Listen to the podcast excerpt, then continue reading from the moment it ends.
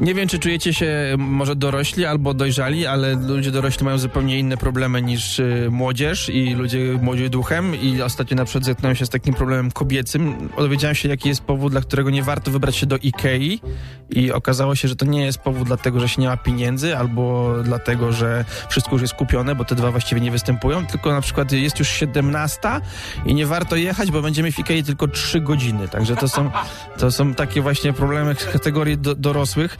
No i tak analizując tą dorosłość, no to wiecie, to nie jest coś takiego, że właśnie na przykład jesteś dorosły i już nie masz czasu dla znajomych, tylko po prostu nikt cię nie lubi, nie?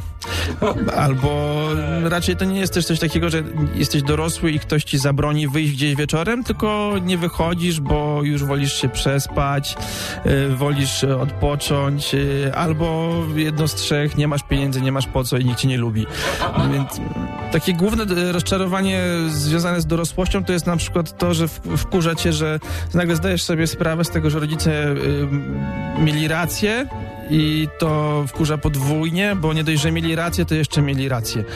Tak, w wielu bardzo sprawach.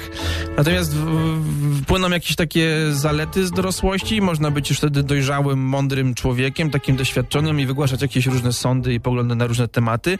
I w tym wypadku warto zawsze zaufać babciom i osobom starszym. Moja babcia na przykład zawsze bardzo głośno powtarza, że wyglądam ślicznie, młodo i zdrowo i przede wszystkim bardzo szczupło.